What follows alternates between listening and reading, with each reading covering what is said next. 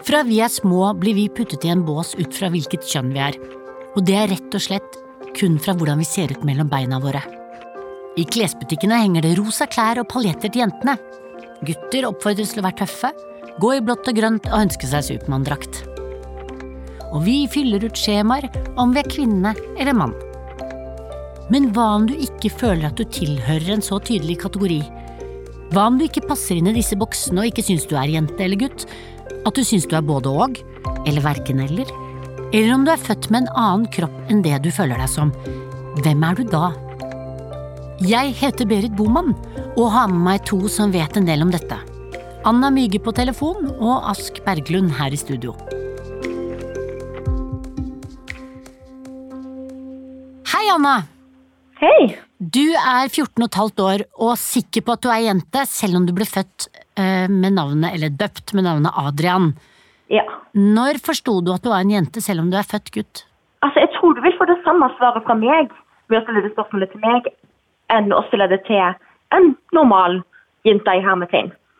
For jeg har følt meg som jente hele livet mitt, og har aldri definert meg sjøl som en gutt. Vet du cirka når det ble noe du begynte å snakke om?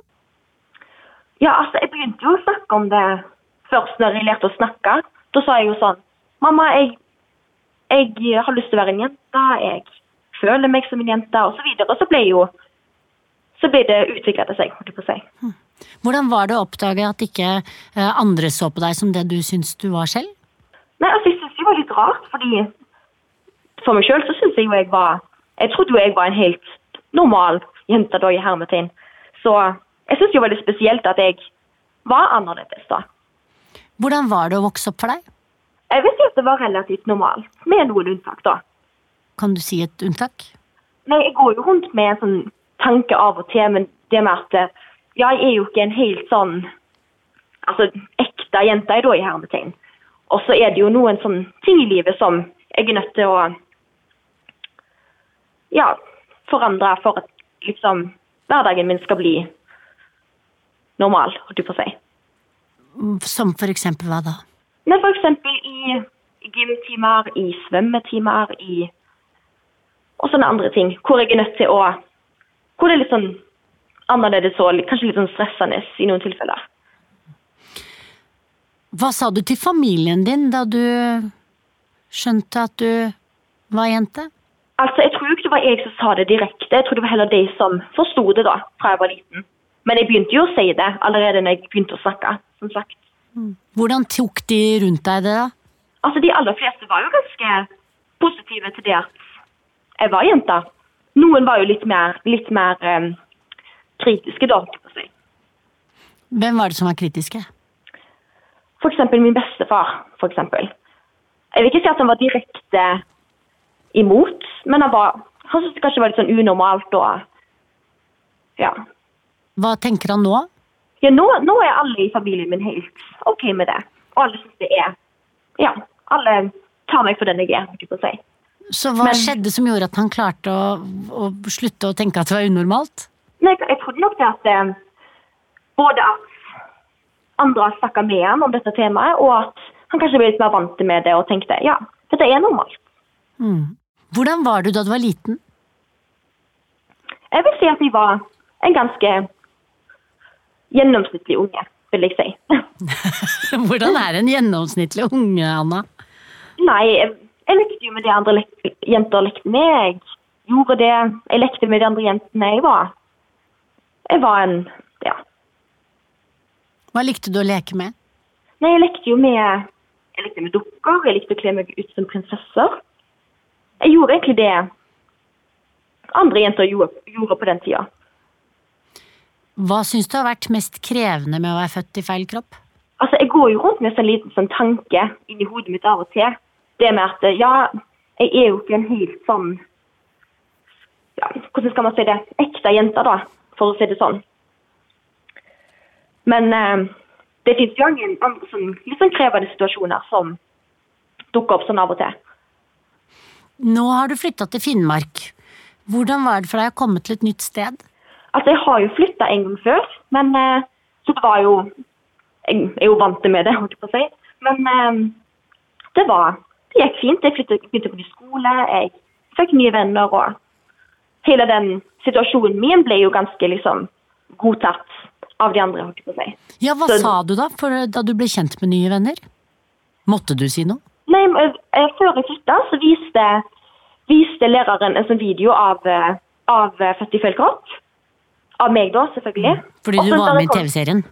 Ja, jeg var med i TV-serien, ja. Mm.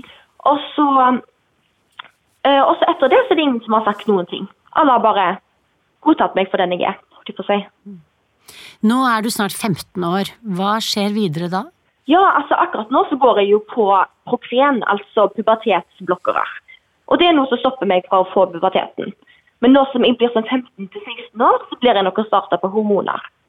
Mm. Hvordan ser du for deg fremtiden din, Anna? Nei. Jeg tenker litt sånn på den samme måten som en gjennomsnittlig person. Jeg skal vokse opp, kanskje jeg får meg samboer, jeg skal få en jobb, jeg skal Ja. Hva vil du bli av? Altså, jeg har vært innom masse forskjellige ting, men det har ligget lenge på lærer akkurat nå. Hmm. Mm. Hvilke fag? Altså, Jeg er ganske glad i matte og norsk, det å skrive tekster og sånn. Hvorfor tror du det er så tydelige kategorier vi putter folk i? Altså, Jeg tror rett og slett at det er en slags vane. Det er, det, det er sånn vi alltid har gjort det, og det er liksom ingen som tar sin tid til å gå ut av den vanen, holdt jeg på å si. Hvordan burde verden se ut, syns du? Jeg syns at verden burde ikke se på folk som hvilket kjønn eller hvilken religion eller hvilken ja, hvilken etnisitet du har, bare hvilken personlighet du har. og At folk burde være mer respektfulle og tolerere mer. holdt på å si. Hvordan vil du selv bli møtt av andre ungdommer? Jeg vil bli møtt som en normal person. Rett og slett. Som du er. Mm. Du, i Norge er det vi er, altså I Norge er det et av få land i verden hvor vi har lov til å bestemme i passet hva man definerer seg som. Hva står det i ditt? Ja, I mitt pass så står det jo at jeg er kvinne. Og det har det stått i noen par år nå. Hvordan var det å få lov å få det passet med den i? Det var jo en litt sånn frigjørende følelse. I, som om at jeg Ja, som at jeg var en, en kvinne, da. Du, ikke legg på, for du skal være med videre. Jeg skal snakke mer med deg, men jeg har med meg Ask her i studio òg. Hei, Ask. Hallo. Du, Ask, hvis du kunne velge hva det skulle stå i passet ditt, hvilken kategori ville du krysse deg på? Eh, jeg ville egentlig at skjønn ikke skulle stå i passet. Jeg tenker det ikke er nødvendig at det er det, men hvis det skulle stått noe der, så ville jeg jo hatt noe som indikerer at jeg verken er kvinne eller mann. Eh, fordi vi har jo en kategori til som kalles hen. Er det det, eller hva kaller, hva kaller jeg deg? Jeg bruker å si at jeg er ikke-binær. Um, Det er det begrepet jeg bruker om meg sjøl. Um, hen er mer pronomen jeg bruker. Nettopp. Hva betyr å være ikke-binær? Rett og slett at du befinner deg en eller annen plass mellom eller utafor mann og dame. Hva det betyr for folk eh, som identifiserer med det, er veldig mye forskjellig. For min del så er det bare det, men andre folk har òg mer spesifikke beskrivelser og opplevelser knytta til det. Eh, Hva har du krysset av på i passet ditt? Eh, Nå som jeg ikke kan få endra det til noe som faktisk stemmer, så står det bare det det alltid har stått. Der står det at jeg er kvinne. Det stemmer jo ikke. Um, og det s- Folk legger jo òg merke til at det ikke stemmer. Hva tenker du om at folk blir definert ut fra kjønn og ikke identitet? Jeg tenker at kjønn ofte får en veldig stor blir veldig vektlagt når man snakker om identitet. For skjønn er jo fortsatt en del av identiteten. Eh, Men jeg tenker jo at det blir lagt så mye mer på skjønn enn det som egentlig hører til der. Så jeg tenker jo at man burde jo lære seg å fokusere mer på at mennesker er sammensatt, og at man ikke kan vite så veldig mye om en person basert på hvordan skjønn de er. Du har sagt et eller annet sted at du mener at det finnes mange kjønnskategorier, hvis vi må ha en kategori. Hvor mange kjønnskategorier tenker du at det kanskje kan finnes? Jeg tenker at man ikke trenger å ha et tall på det. Um, og jeg tror ikke det er mulig å sette et tall på det. Fordi folk har veldig mye ulike forståelser av kjønn. Um, som jeg ikke tror kan settes inn i tre eller fem eller syv eller 1900 kategorier. Fordi vi har alle ulike forståelser. Jeg håper at vi kommer til en plass i verden der det ikke er et behov for å skal sortere sånn sett, men at man ser at det er et spektrum av hvordan folk opplever seg sjøl og sitt eget kjønn. Når forsto du at du ikke passet inn i én kategori? For min del så var det mye, mye seinere enn Anna, eksempel. Eh, det kom vel sånn til overflata når jeg var 14-15-16, der omkring. Um, fordi jeg visste ikke at noe annet var mulighet. Jeg visste at ok, men jeg var jente, og det var det som var mulig. Helt til jeg fant ut at transpersoner var en ting. Mm. og da var det sånn Å ja! Det finnes alternativ. Altså, det var først da det kom opp for min del. Hvordan fant du det ut? Um, jeg så en dokumentar, og så tenkte jeg, og så tenkte jeg, og så tenkte jeg, og så bare sånn hm. Um, men da visste jeg òg bare at det var mulig å være noe annet enn det du var tildelt ved fødsel. Så det var sånn, ok, men da er man da.